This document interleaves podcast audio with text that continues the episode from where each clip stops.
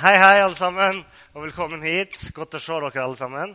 Eh, I dag så eh, skal vi fortsette eh, en prekenserie som vi begynte med for noen uker siden, som eh, handler om Salomos ordspråk, der vi dykker litt dypere ned i, i noen av de hva skal man si, mest fremtredende tematikkene som, som vi finner i ordspråkene. Eh, og hvis dere ikke har fått med dere de andre prekenene i denne eh, serien her, eh, så er det jo sånn at Ordspråkene er ei bok som er sammensatt av en rekke ulike visdomsord. Noen er veldig kort, kanskje bare ei setning. Noen er litt lengre, og noen kan være hele lignelser. Sånn at i denne serien så følger vi ikke boka liksom kronologisk kapittel for kapittel. Eh, litt fordi at boka er sammensatt litt sånn hulter til bulter. Eh, at vers for vers så kan det være forskjellige tema. Sånn hadde vi tatt ett kapittel, så hadde vi kanskje måttet gått gjennom 50 kjempestore liksom, temaer som har med livet å gjøre, på én preken. Så det gjør vi ikke, så vi prøver heller å systematisere litt. Grann. Eh, og Så langt så har vi jo vært eh, gjennom temaene vennskap og disiplin. Eh, og I dag så skal vi ta for oss et annet tema som er veldig fremtredende i ordspråkene, eh, nemlig utroskap. Eh, og eh, jeg vet jo at dette temaet er et tema som kan gi oss mange negative assosiasjoner med en gang man hører ordet utroskap eh, så kan det skape litt sånn ubehagelige følelser i oss, for ikke å snakke om de som kanskje har opplevd det her eh, eh personlig. Så, så her er jo en tematikk da, som er litt tabu, ikke sant? som man kanskje ikke snakker så mye om. Og jeg tror sjøl at jeg ikke har hørt så mange prekener om akkurat det temaet her. Eh, og, så jeg tror at det er et tema som eh, vi kanskje ikke er flinke nok til å bringe fram i lyset eh, og som vi kanskje har litt lett for å, å skyve under teppet. Eh, og eh, så når vi tar for oss ordspråkene, så eh, ser vi at, eh, at både her og mange andre plass i Bibelen så er nettopp utroskap et tema som går igjen. Eh, og jeg tror at Det er viktig å snakke om det, og jeg tror at Bibelen gjør et poeng ut av å snakke om det fordi at konsekvensene av det er alvorlige for vårt liv. Og Gud han ønsker jo alltid det beste for oss, så når Bibelen snakker om dette, så er det jo for å hjelpe oss til å pleie våre relasjoner og vårt forhold til hverandre på best mulig måte. Eh, og jeg tenker på det at eh, Når vi går gjennom eh, ordspråkene, og de her tingene her, så er det jo viktig å tenke på det at, eh, at eh, ordspråkene legger ikke fram en lov. Jeg prøver ikke å, å, å, gi dere en lov som dere må følge for å være en kristen. Eh, men jeg prøver å legge fram Guds ord som viser oss gjennom Guds visdom hvordan livet vårt kan se ut når man lever sammen med Jesus, og hvordan Gud ønsker at vi skal leve når vi lever sammen med Han. Eh, og Før vi går videre, så har jeg lyst til å si noen ting om seksualiteten i den kulturen vi lever i i dag. Jeg ser jo at noen av dere har jo levd, eh, levd gjennom den såkalt seksuelle revolusjonen som, som har vært siden 60-70-tallet, der det har vært en sånn frigjøring av seksualiteten i samfunnet. Og For det første så tror jeg at mange nå ser på den tradisjonelle kristne forståelsen av ekteskap som, eh, som en ting som er frihetsfrarøvende. Noe som undertrykker vår frihet til samliv.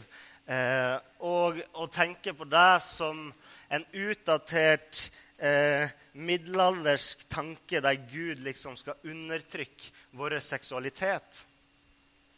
Men det er jo sånn at Bibelens forståelse av et seksuelt samliv er ekteskapet. Og her i Bibelen så ser man ikke på ekteskapet som bare en kontrakt mellom to mennesker, men en pakt. Fordi en pakt er noe som er mye sterkere enn bare et papir man skriver under på. Selv om man skriver under på et papir når man gifter seg. ikke sant? Eh, vi holdt jo på å glemme det i vårt bryllup, men, men, vi redda oss inn. Eh, men en pakt er no, noe mer enn bare det. Eh, og i denne pakten som ekteskapet er, så knyttes mann og kvinne sammen på en helt spesiell måte. Eh, for at i begynnelsen, hvis vi går helt tilbake til begynnelsen, der vi leser om på en måte hvordan Gud skapte menneskene, og hvilken hensikt han skapte oss til, så står det der at Gud skapte først en mann. Og så så Gud at mannen hadde vondt av å være alene. Så Gud tok et ribbein fra mannen, og ut fra det ribbeinet så former han kvinnen, mannens bedre halvdel. Og i ekteskapet så kan vi da på en måte si at de her delene de gjenforenes. For vi snakker om at når man gifter seg, så blir man ett med hverandre. Det var meint at man skulle høre sammen på en helt spesiell måte. Og Jeg bruker jo likevel å, å anbefale ekteskapet til vennene mine som ikke er kristen, eh, som tenker ja, vi trenger ikke å, å, gifte oss, liksom. Men så sier jeg at ja, men det, det, anbefaler jeg likevel. Og det er ikke fordi at du trenger å gå i kirka for å gifte eh, eller, at, eller, at, du trenger å tro på Gud liksom, for å gifte. Men jeg tror at det å bekjenne sin kjærlighet til hverandre og bekjenne sin troskap til hverandre foran vitner er med på å forsterke båndet mellom to mennesker, og det er med på å hjelpe og ansvarliggjøre mennesker overfor hverandre i den pakten man inngår. Eh, og så sier jeg alltid det, Pluss at i Norge så får man økonomiske fordeler ved å gifte seg, så det er vinn-vinn. Men jeg tror virkelig at, at, å inngå en ekteskapspakt er noe som kan være med på å eh, skape trygge rammer for familien eh, og for, for barn eh, som vokser opp eh, i familien. Så, så jeg anbefaler alltid det uansett. Men fra 60-tallet så har vi jo hatt denne såkalt seksuelle frigjøringa. Og, eh, og, i dag så møter vi jo sex nesten overalt i vår kultur. Jeg snakka om dette temaet på, på ungdomsmøtet på fredag òg. Og da, da, måtte jeg ta en liten sånn eh, sjekk hvor mye fnising som kom hver gang jeg sa ordet sex. Men de var veldig flinke. De holdt det seg, så jeg var veldig imponert. Det var ingen fnising, liksom, så de, de det, tok det veldig bra. Eh, men altså, sex har jo blitt uunngåelig i vår kultur. Vi møter det overalt, og det har blitt en sjølfølge for oss. Eh, og når man hører om eh, unge mennesker i dag som ønsker å vente med å ha sex til, til de blir gift, så reagerer ofte folk med sjokk og vantro. ikke sant? Det kan fort komme liksom en dokumentar på TV eller et radioprogram om, eller en avisartikkel om et ungt ektepar som virkelig har valgt å vente til de gifter seg. Ikke sant? Eh, så folk de sier ikke sant, 'Hvordan er det mulig?' Hvordan kan du leve uten sex? Hvordan kan du være da, og liksom la det bli undertrykt av en sånn gammel religion? ikke sant? Sånn her reagerer folk når de hører om det. Og det har ledet oss til et punkt der vi vi lever i en kultur der de fleste av oss i hvert fall sier at de foretrekker monogami, bare ikke på en permanent basis. Eh, fordi at Ettersom ekteskapet har mistet mye av sin tidligere eh, utbredelse og verdi, så har jo òg seriemonogami, der man har én partner etter en annen, blitt den vanligste formen for samliv.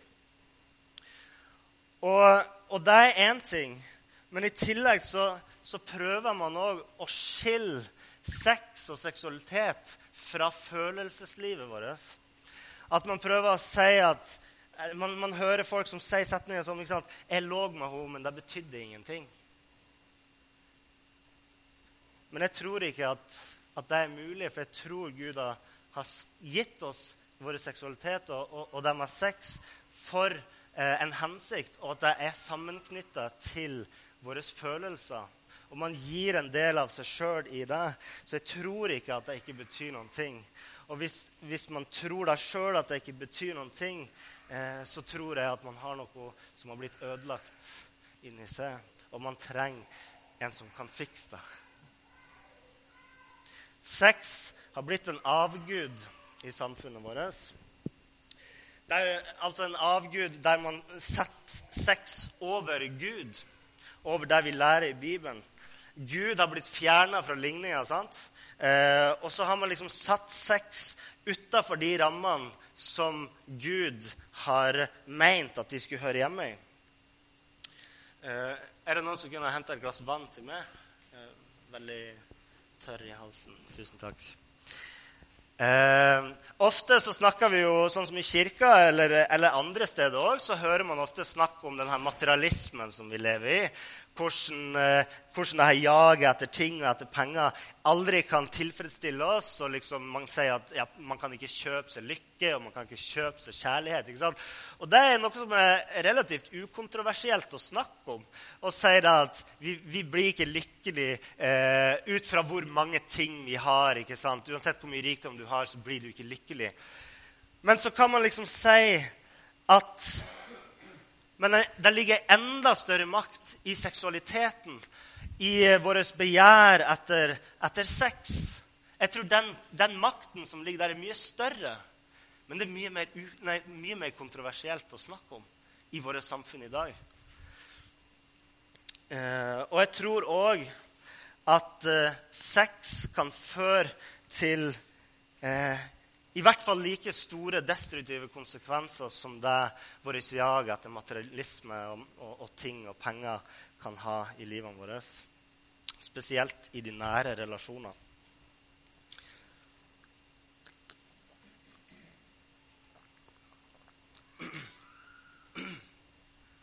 Jeg husker en gang for en tid siden så så jeg en, eh, en reklame som jeg Jeg måtte nesten bare le litt av det, for jeg tok det ikke seriøst. Det var en nettside som, som, de reklamerte med kanskje på dataen eller om det var på TV-en, som heter sidesprang.no. Og de, eh, de, promoterer one night stands og erotiske eventyr.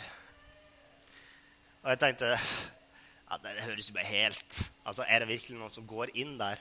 Og så sjekka jeg litt på det nå når jeg, når jeg jobba med preken min, og jeg så at de har over 150 000 norske brukere i vårt eget nabolag. Et annet nettsted som heter cdating.no Jeg driver ikke noe reklame for de her, men eh, jeg bare gir litt statistikk her. De har omtrent 100 000 brukere i Norge eh, som søker uforpliktende affærer. Og eh, det nettstedet som kanskje er det største i verden, har over 46 millioner brukere. Og det er et nettsted som spesialiserer seg på å legge til rette for at mennesker skal kunne være utro mot partneren sin. Og de har slagordet 'Livet er kort. Ha en affære'. Og Jeg skal la deg tenke hva du vil om de her tingene her. Eh, men jeg var utrolig overraska og egentlig ganske skuffa over at over å se omfanget av mennesker som så aktivt går ut for å gjøre noe sånt mot partneren sin. Uh, og en av de sidene som jeg ble aller mest skuffa over å finne, var en nettside som heter christianswingers.com. Eh, hvis dere ikke kjenner til hva swingers er, så er jo det mennesker som, som er villige til å ja, bytte partnere. Eh, liksom, eh, altså, de er gift, men de sier at vi kan ha, ha, sex med andre folk og likevel være gift. Og så var det en nettside da som var for kristne swingers. Eh, og på denne sida så skriver de da For kristne swingers er ting ikke enkle. Ofte dømmer andre religiøse mennesker deg ut av uvitenhet eller misunnelse og forteller deg at din livsstil og kjærlighetspraksis er feil. Men Bibelen lærer oss døm ikke for at dere ikke skal bli dømt. Og så er det det verset om stein, den første steinen. Denne siden er utformet for å imøtekomme behovene til folk som deg, hengitte kristne par som fortsatt vil ha et aktivt kjærlighetsliv og dele det med andre i god tro.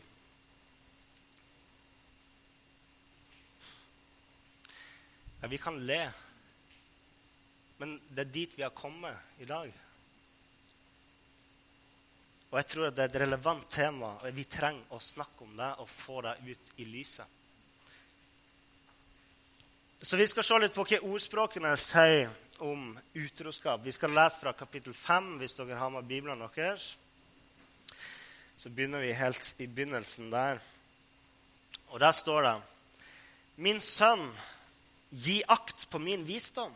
Vend øret til min innsikt, så du tar vare på omtanke, og leppene bevarer kunnskap. Så i dette kapitlet, som, som i fortsettelsen nå handler om utroskap og, og troskap til sin, eh, sin, egen partner, begynner jo da som om en far har praten med stor P med sitt, eh, sin sønn. Og dere vet hvordan prat eh, eh, mener. sant? Ja, du skjønner hva jeg mener. Eh, når en far har en prat med sitt barn om de her tingene her, og skal lære om, om liksom bier og blomsten og alle de her tingene. Og så, så snakker han til, til, um, til, sønnen sin, og så sier han i vers 3 Leppene til en fremmed kvinne.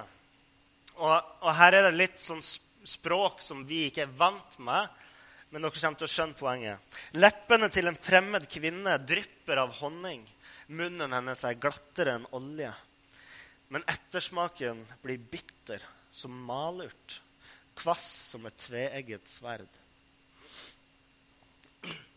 Så han snakker jo om den fristelsen som kan ligge i andre kvinner som er utafor ekteskapet. Den, eh, eh, eller ja, ikke bare kvinner, men òg menn. Den, det er jo denne tanken som, som, vi mennesker noen har, at vi alltid tror at gresset er grønnere på andre sida. Og man ser at den fristelsen kan være så stor. Eh, og og jeg er sikker på at mange av oss vi kjenner godt til det begjæret som kan oppstå mellom en mann og en kvinne. Og vi kjenner godt til den, den, den eh, kraften det har, den makten det kan ha over oss. Eh, og så han sier da han advarer sønnen sin du kommer til å møte denne type fristelse. Og det kommer til å virke så forlokkende så du må være forberedt på det. Og så sier han, men bak deg, la deg ikke lure, bak deg så ligger det en bitter ettersmak. For bak den søte fristelsen så venter et ødelagt forhold og en splitta familie. Og jeg tror det er en ting som mange lukker øynene sine for. At man sier til en fremmed som man er, har en affære med, så sier man med sine handlinger Sjøl om man sier med sin munn at det betydde ingenting, så sier man til en fremmed at 'jeg elsker det'. Og samtidig så sier man til sin partner 'jeg hater det', med de handlingene man gjør. Og jeg synes det er så rart med den kulturen som vi lever i, der vi baserer eh, tankene våre eh, og, og, verdiene våre på tank, på denne tanken om at friheten vår skal være ubegrensa, bortsett fra hvis den skader noen andre. Det er litt det som ligger under mye av når man, når man fjerner liksom, man fjerner Gud, og man, man skal liksom finne vår moral fra andre ting enn Gud. Den skal ikke baseres på religion og kristendom. Og da ligger det ofte til grunn denne tanken om at vi skal være så fri som mulig, bare vi ikke skader andre. Men så tror jeg at vi feiler i å se at vårt ødelagte syn på seksualitet, som er meint å være noe vakkert og hellig, faktisk er noe som både skader og som sårer, og som ødelegger mennesker, og som splitter hjem og familier. Og det er resultatet av å tjene en avgud. Fra vers 8 så leser vi da La veien din være langt borte fra henne. Kom ikke nær til hennes dør. Eller så må du gi din kraft til andre, dine år til en nådeløs herre. Andre får mette seg av det du eier, det du strever for, ender i fremmedes hus. For det første så sier han i deg, ikke sant? Ikke utsett deg sjøl for unødvendige fristelser. Hvis du tror at du kan komme i en situasjon der det er en fare for at du gjør noe dumt, eh, så bare hold deg heller unna den fristelsen. Det er bedre å holde seg langt unna enn å utsette forholdet ditt for en fare som kan skade partneren din, og som kan ødelegge forholdet. Og eh, Ja Skal vi se Jeg skal ta litt eh, statistikk om, eh, om det med utroskap i samfunnet vårt. Eh, I en journal som eh, heter Journal of Marital and Family Therapeutics i USA, så fant de ut at For det finnes ingen undersøkelser for Norge, men, men eh, i USA så viste de at i 41% av ekteskap så har en eller begge parter vært utro. Enten fysisk eller emosjonelt. 41% Det er ganske høyt. Vi skal jo huske at det varierer ut ifra hvordan spørsmålet stilles, men det er et veldig høyt tall. 17% av menn og kvinner de innrømmer at de har gjort det her med en svigerbror eller svigersøster. 36% har hatt et emosjonelt eller seksuelt forhold med en kollega. Og blant folk som er ute på jobbreiser, så har 35% sagt at de har hatt et seksuelt forhold eh, med en, eh, en, en person på den reisen. Og, ehm, og, en sosialpsykolog som heter Justin Lehmiller, han sier at selv om det resultatet varierer litt fra land til land, så tror han fortsatt at tallet er veldig høyt. Og det er ganske vanlig. Og han sier at tallene er sannsynligvis enda høyere i virkeligheten. Fordi sjøl i anonyme undersøkelser så er det usikkert at folk vil innrømme å ha vært utro.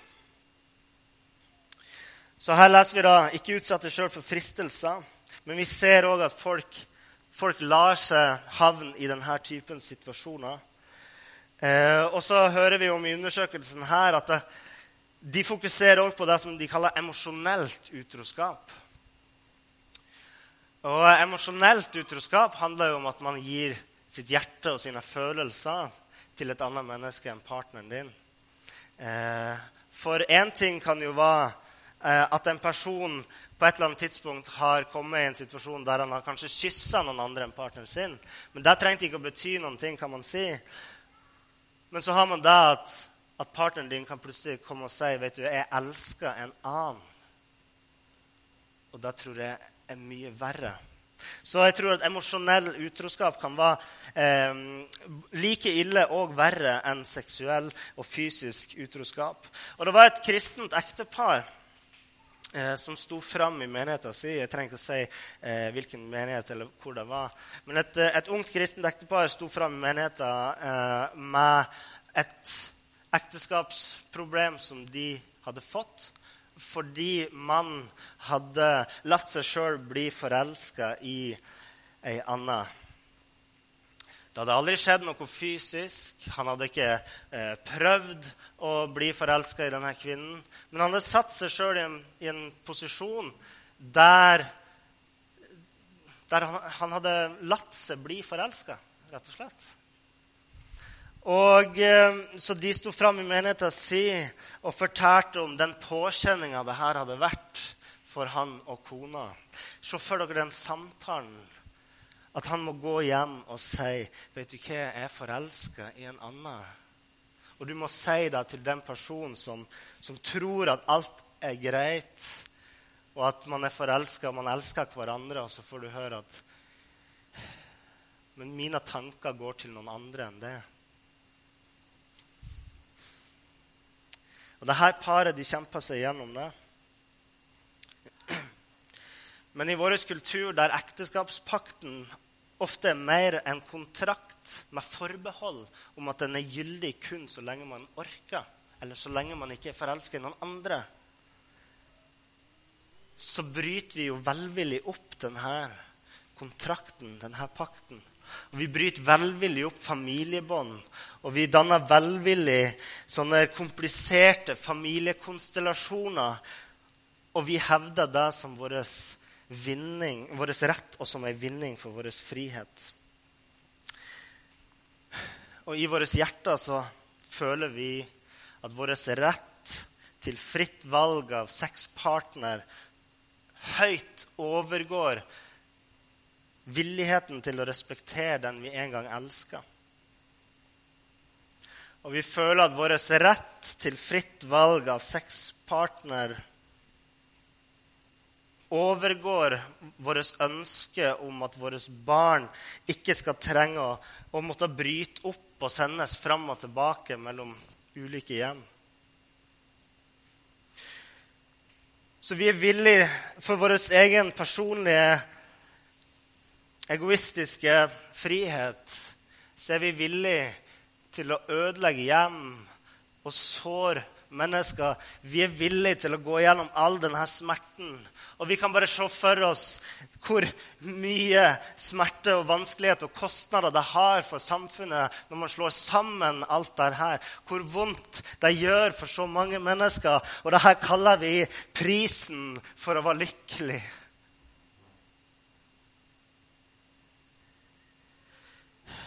Men jeg tror ikke at det skaper lykke å ødelegge hjem og være utro mot partneren og skape alle de onde følelsene. Eh, så vi snakka om det her går, nei, på fredag med, med ungdommene. Og da jeg forberedte det budskapet jeg skulle gi til de på fredag, så hadde jeg tenkt på det at opp gjennom min oppvekst og gjennom mitt liv så var det aldri noen som underviste om det her.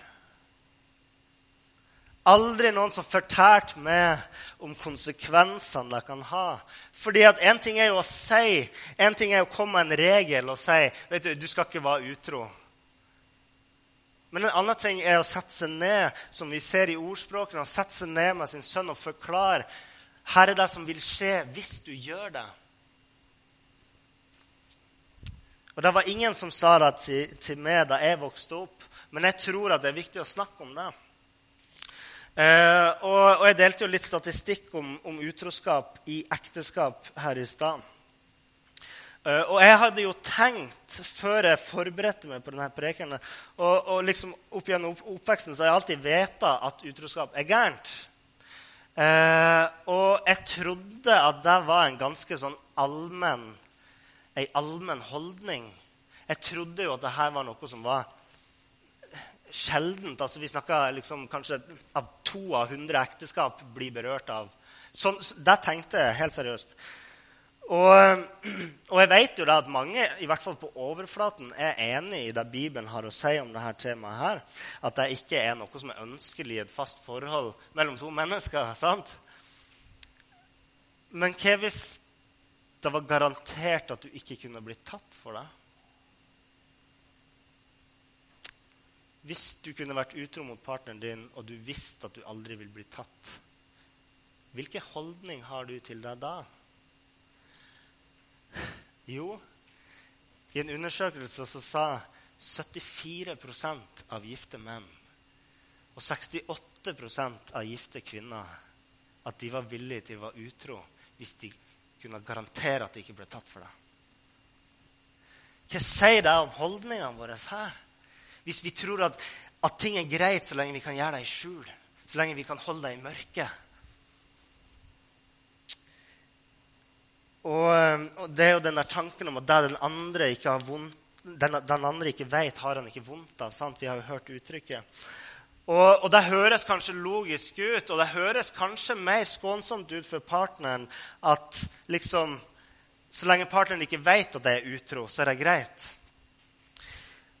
Men da viser òg forskninga at i de ekteskapene der utroskap aldri blir avslørt Altså i alle ekteskap der det er utro, utroskap, men utroskapen aldri blir avslørt for partneren sin, så ender 80% av de ekteskapene i skilsmisse.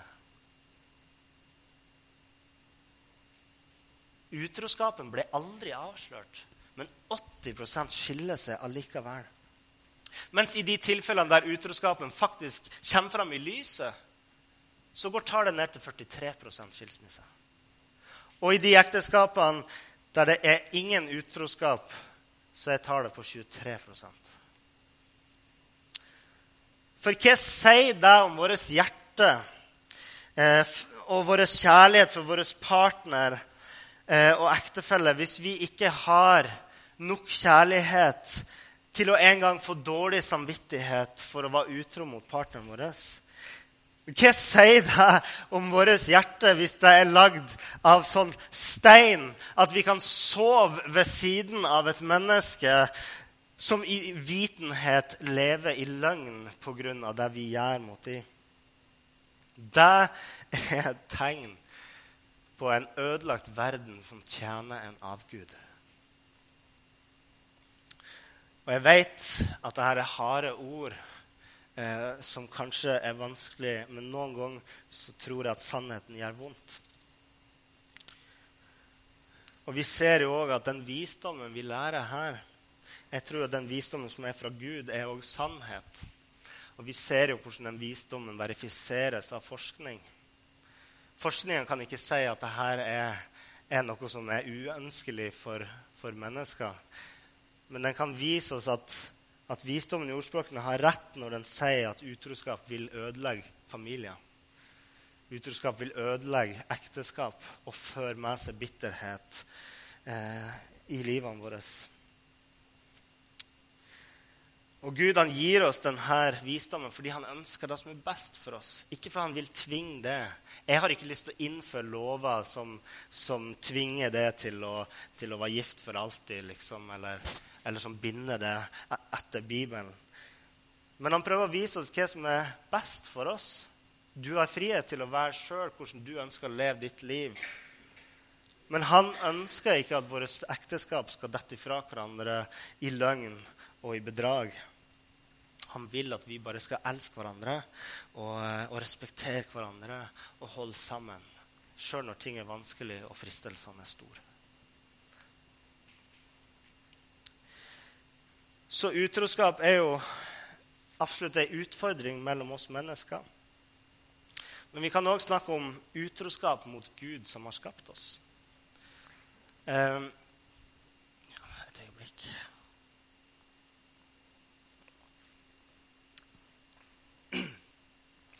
Jeg tror jo òg at utroskap handler om å søke lykke, om å søke um, tilfredsstillelse og mening i andre ting enn den partneren eller den personen som vi eh, har lova oss sjøl til, eller som, som det er meninga at vi skal finne vår lykke hos. Mens inni oss så finnes det alltid en trang til å gjøre det vi sjøl vil. Jeg tror alle har en sånn opprørsk ånd som iblant tenker litt egoistiske tanker. Og, og, liksom at jeg, jeg, spiser opp sjokoladen i skapet, og så kaster jeg papir, og så sier jeg aldri noe til Kjersti om at det var en sjokolade der. Ikke sant? En liten sånn opprører inni oss. Uh, og vi er alltid på jakt etter lykke i ting som egentlig aldri kommer til å tilfredsstille oss. Ting som aldri vil gi oss nok. Det var det jeg var inne på her i stad. Vi snakker ofte om de materialistiske tingene, hvordan de aldri gir oss lykke. Og jeg snakker om det med, med seksualitet og sex og sier at uansett hvor mye du søker det, så vil det aldri tilfredsstille deg. Og eh, Jeg leste på en brusboks jeg kjøpte her om dagen. Eh, og Der sto det eh, at med en gang vi mennesker får det vi trodde vi hadde lyst på, så er vi alltid raske med å få lyst på noe annet. Eh, og jeg har hørt at folk sier eh, 'Jeg trenger ikke Gud'. Hvorfor, hvorfor, sier du til meg at jeg, jeg, trenger Gud? Sier du at jeg ikke har, har det jeg trenger? liksom? Jeg har alt jeg trenger. Men så ser jeg òg at de samme menneskene de søker jo stadig nye ting og jager etter nye nye ting, nye jobber, nye partnere, nye hobbyer, nye studier. Og la vår lykke avhenge av ting som forgår, altså ting som blir borte, som vi ikke kontrollerer engang, er en risikabel øvelse. Og sjøl om våre ektefeller kan være så fantastisk å leve sammen med, så er det jo dessverre sånn at de òg vil en dag bli borte. Og det er òg en ting Våre ektefeller er òg noe som vi ikke råder over. Og Det gjelder òg vår familie og våre barn. Og hvis vi baserer vår lykke Min familie og min kone gjør meg lykkelig, men jeg kan liksom ikke ha jeg kan liksom ikke ha min dypeste lykke og mening i de heller. Og Gud sier det i Jeremia 2,13. De har forlatt meg, kilden til levende vann, og hugget seg brønner, sprukne brønner som ikke holder vann. Det er jo det at vi prøver å fylle våre brønner. Men uansett hvor mye vi fyller oppi dem, så blir de aldri full. Og vannet renner alltid ut. Men Gud han er en, han er en uuttømmelig kilde til levende vann. Og i Johannes 4, 13 og 14 så sier Jesus da den som drikker av det vannet jeg vil gi, skal aldri mer tørste.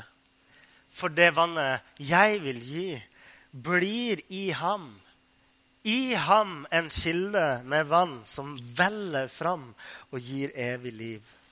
Jesus er den eneste sanne og evige kilden til lykke. Og Dette er òg noen harde ord å si at vår familie og ektefelle ikke, ikke egentlig er nok for å gjøre oss virkelig lykkelig. Ikke sant? Det er kontroversielt å si. Folk vil bli, bli provosert av noe sånt. Men det er òg ting som kan forgå. Det er ikke evige ting. Sant?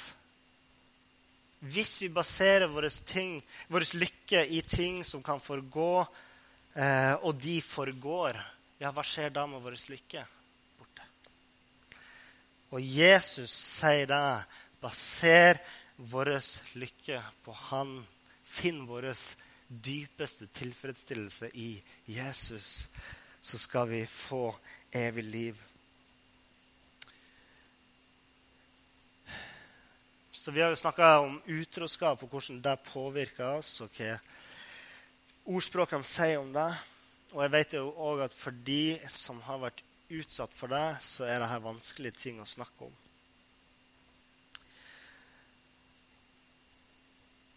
Men når Jesus har møtt ei kvinne som hadde begått ekteskapsbrudd, så sier han til henne, 'Jeg fordømmer deg ikke.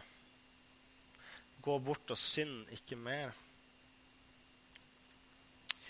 Fordi at noen ganger når folk hører en sånn her type sannhet, så kanskje føler de seg fornærma og støtt. og opp, Uansett hva vi sier nesten fra talerstolen, så tenker de 'Hvem er du til å dømme?' Hvorfor kan ikke jeg leve sånn som jeg vil? Og da vil jeg bruke Jesus som eksempel her. Når han tok noen som hadde brutt ekteskapet sitt, så sa han til henne men jeg fordømmer det ikke. Og han ga henne en ny sjanse. Og han sa nå, du, nå får du en ny sjanse. Jeg ønsker at du skal gå bort, og så skal du ikke synde mer.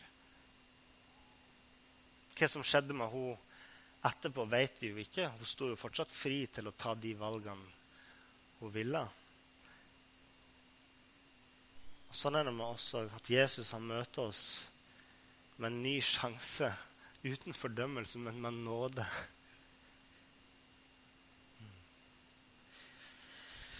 Og Han ønsker da at vi skal få oppleve alle de gode tingene han har å by på. Og han ønsker at vi skal få arv evig liv. Så uansett hva du har opplevd, eller hva du har blitt utsatt for, eller hva du har gjort, eller hva du tenker om alle de tingene her, så skal du vite at du er alltid velkommen hos Jesus.